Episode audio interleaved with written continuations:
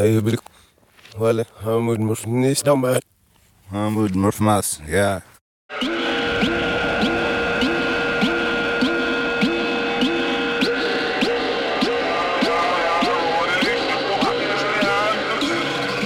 Hi, Sam from Duma. What's up, Clandestino?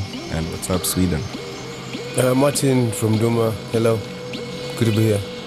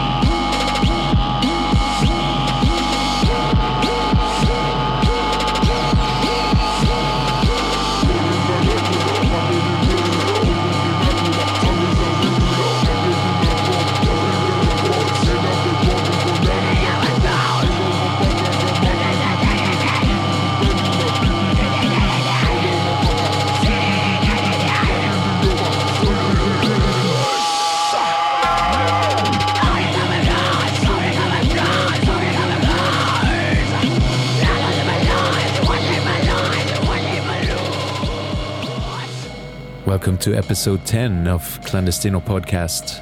I'm Marcus Gorsch. And from the underground scene of Kenya comes this duo, Martin Khanja and Sam Karugu. As Duma, they make extreme metal using samples, synthesizers, found sounds, and drum machines played sometimes at 666 beats per minute.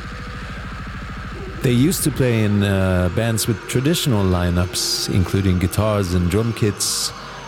But when one of these groups, called Seeds of Datura, drifted apart, Martin and Sam decided to cross the border to Uganda and record for the experimental label Nyege Nyege Tapes. Doom actually came from the like desperation of not having bandmates. bandmates. Yeah. Because most of them were like you know working or they got like uh, married or like they traveled away or they got some real life. Because initially we were supposed we were supposed to tour Botswana, which yes, is yeah, with Seeds of Datura. with Seeds of Datura, but like um, no one, you know, some people were busy, some other guys were no passports, or like all this thing.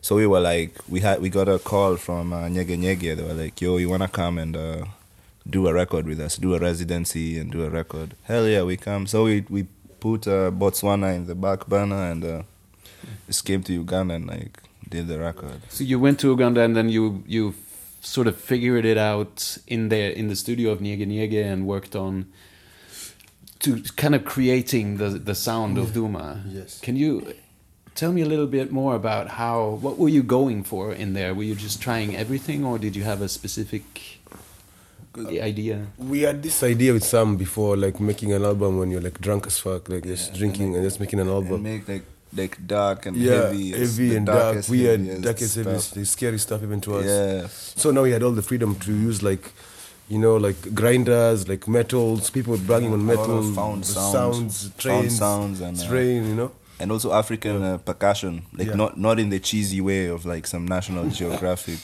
thing, but like the good stuff. And in Uganda, I kind of found that they they could make it go hard, like so like all that in MIDI. Like uh, BPM 666, 66 beats per minute, 6666. Do you have songs like Yeah. or in Yeah. 666 beats per minute? Yeah. Yeah. Turns even almost like hypertone or something. Exactly. Is that even a rhythm or is it just? It stands into yeah, but then you you can you can you can cut it in half, like Yeah. three three three. Let's slice it up. Yeah, and you know also these ideas with polyrhythms, like uh, three drums at the same time, and like let's say one is a four four, another one's a blast beat, and another one is like traditional Ohangla stuff and some 808s, and then there's just like fading in and out out of like all these different vibes. That's why it's it's. I think this album sounded very tight. It's like there's everything somehow like hmm. crazy. It's like very electronic also, but also kind of very metal, also very club and.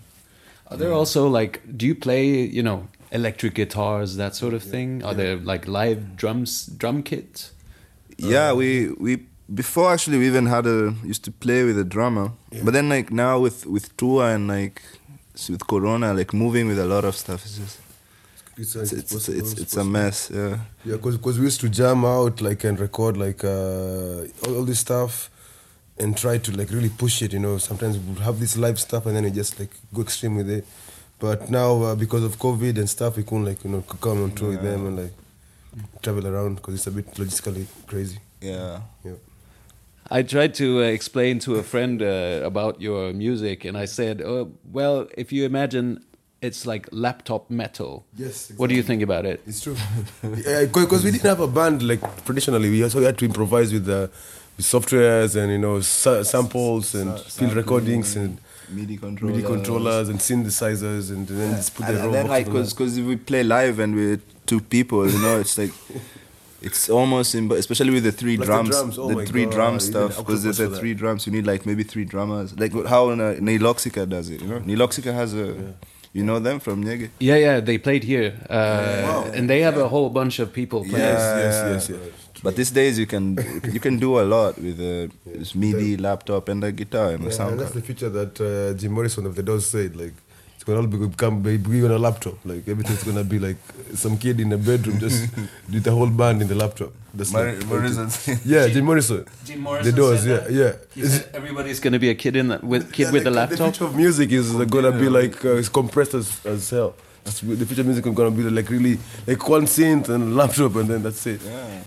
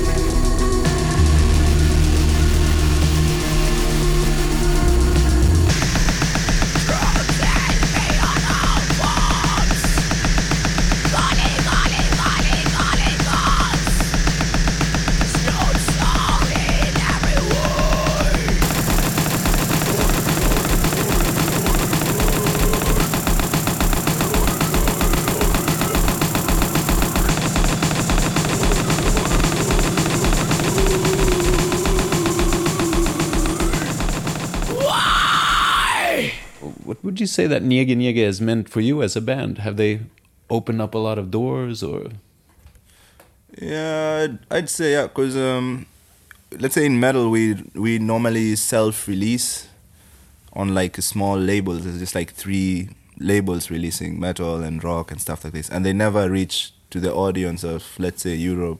And if they do, it's like very small. The distribution is, uh, but then here they have like a bigger network, and they have the, the huge ass festival where a lot of uh, bookers come from other festivals. So like for us to be there and uh, record and then uh, play at the festival, and all these bookers see us and they say, "Oh, you guys are good. Come play this festival. Come." And then we start touring. They have some uh, other kinds of electronic dance music Yeah. that is somehow related to what you're doing.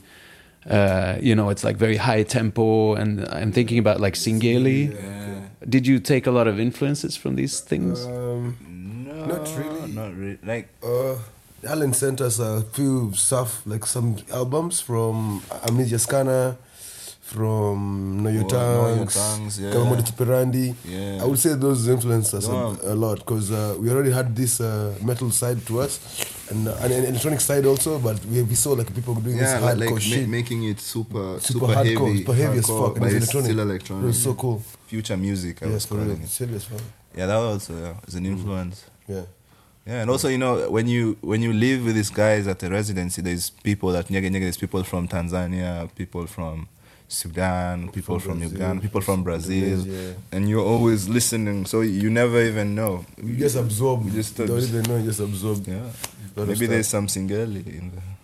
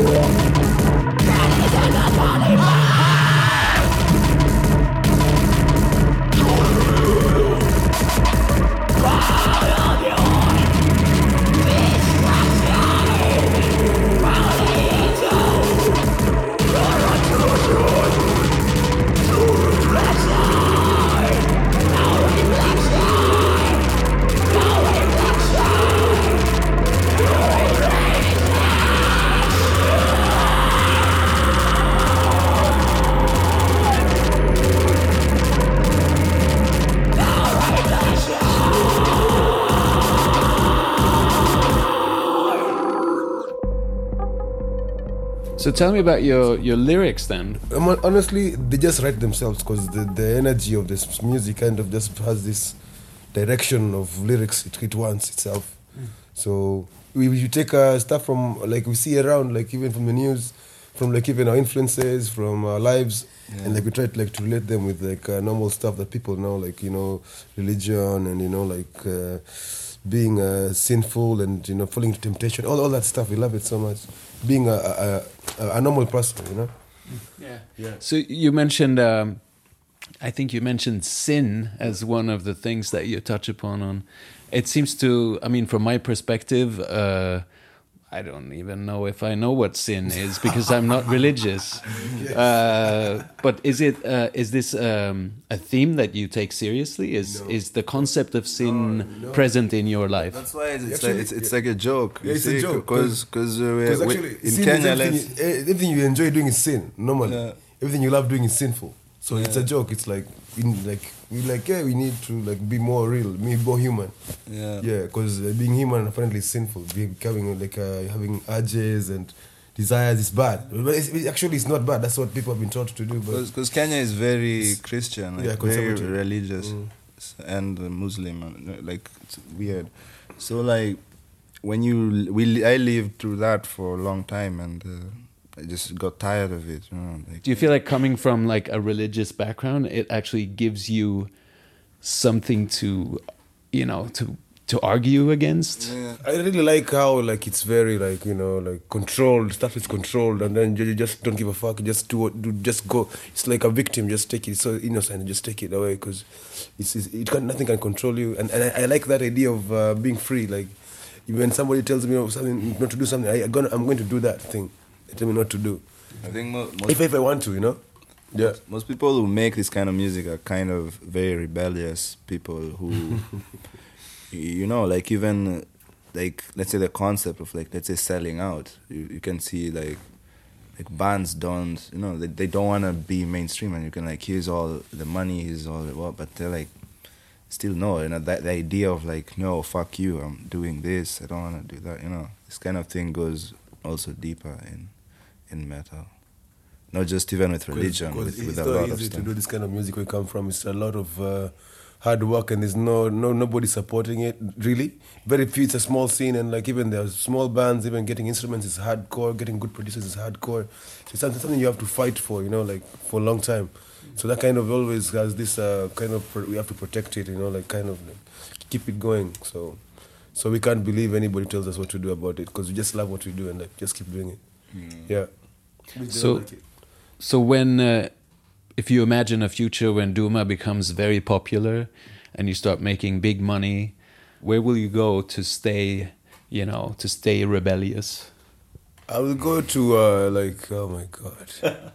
I guess I guess I'll, I'll rephrase the question: Is it possible to make music that is even more extreme than Yes. what you're doing now? Yes, yes, yes, yes yes. Yeah, that kind of technology that's there now, like MPE, like microtones. You know, you could, you could go, you know, you can go farther. You know, and like also been listening to a lot of other different stuff. You know, and like just trying to play different things and soak in, and always, man, like always, always come up. A human will come up with some new idea. try a song, and yeah. So yeah, we should go super. But not not like going to burn a church or something like no that's that's that's crazy. Done already. Burn, a, burn a bank.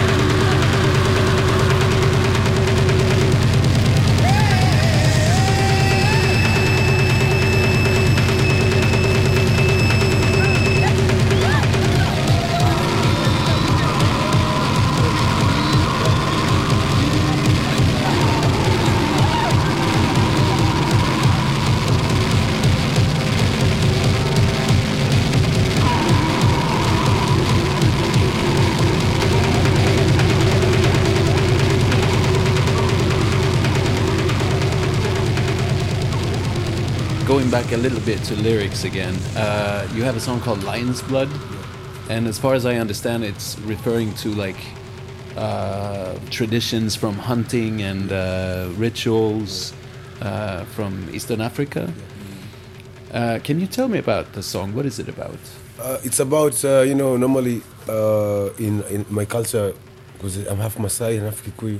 Normally, for you to be right, right now, guys are now like you know civilized. They don't do that, but Don't do that The, the in the past, like even not so far back, they used to like you have to go to the woods, to the forest, like for like a few weeks, you know, and like survive there with your with your crew, like your same age group, and like you have to hunt a lion or hunt lions, and get a lion. Like that's how you become a man, you know.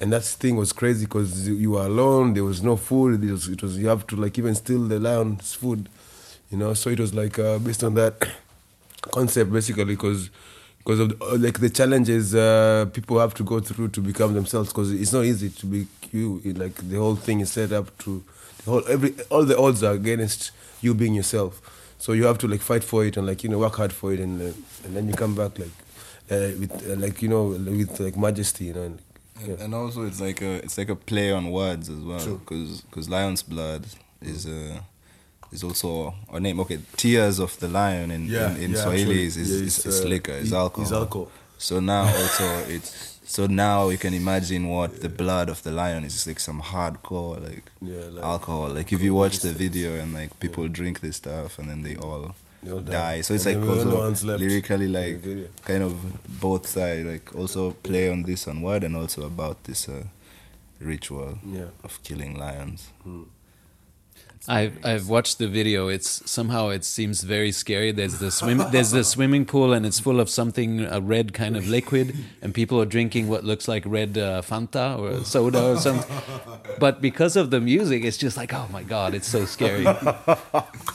and it was funny because the idea of the Fanta was that the fanta was orange so you could just oh, change all the orange on editing to be like blood. And then now the blood the blood yeah, in post. And then now the the blood looked so fake and I'm like yes we want it to look that fake like some Gatorade you know? And like, But they get the There's like a lot of like B movies, you know, this kind of horror thing, yeah.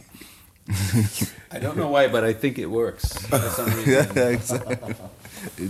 And I remember that we had this idea of like slapping someone's beer belly for the for the drums. To Somebody's, uh, yeah, even- pregnant. Yeah, we was pregnant. It was like get a pregnant woman. Like, but then we we're like, ah, maybe, maybe the drums, like- Wait, you're playing drums? Somebody's playing drums on a pregnant woman's yeah, belly? we, we were Yeah, supposed right, to we're do supposed that, to do that, and but we're uh, like, no, no, no, no. it's too much, maybe. yeah. What's, what's going on? But I want to ask these these sort of I don't know folklore and uh, rituals and all that. Is it? Would you say that it's a part of your a part of how you grew up hearing about these rituals, or or is it sort of just this weird thing that you like to write about because it's a scary kind of music? Uh, it's part, bit it's of part of how we grew up. For me, honestly, Yeah. because most of my people are like still deep into it till today. Yeah, so it's something like uh, been in our, our family, uh, my family, for a long time. Yeah, Uh, From the Mau Mau also. yeah, from the mama, cause from even my aunties were like you know like wizards and stuff, doing magic, yeah. witch doctors. And also, you know, it's funny. Like, let's say in Kikuyu culture, you you you go to this tree yeah, the and you face and you face Mount God. Kenya, you know, and you're like you worship God who's in the mountain, you know, like if you, if you, if you think about it, it's crazy, and they never went up the mountain at the time, Yeah. or maybe they did. It wasn't recorded because it's the snow on the top. And there's so many stories about that mountain. Like uh, even like you had like this story. Like there's a hole you can go into, and then you you you show up in another place, like in Rift Valley. From that mountain, like Yeah. just some weird tunnel. And like and the mountain is like it's alive. It will test you if you're pure. If you're not pure, you won't come back.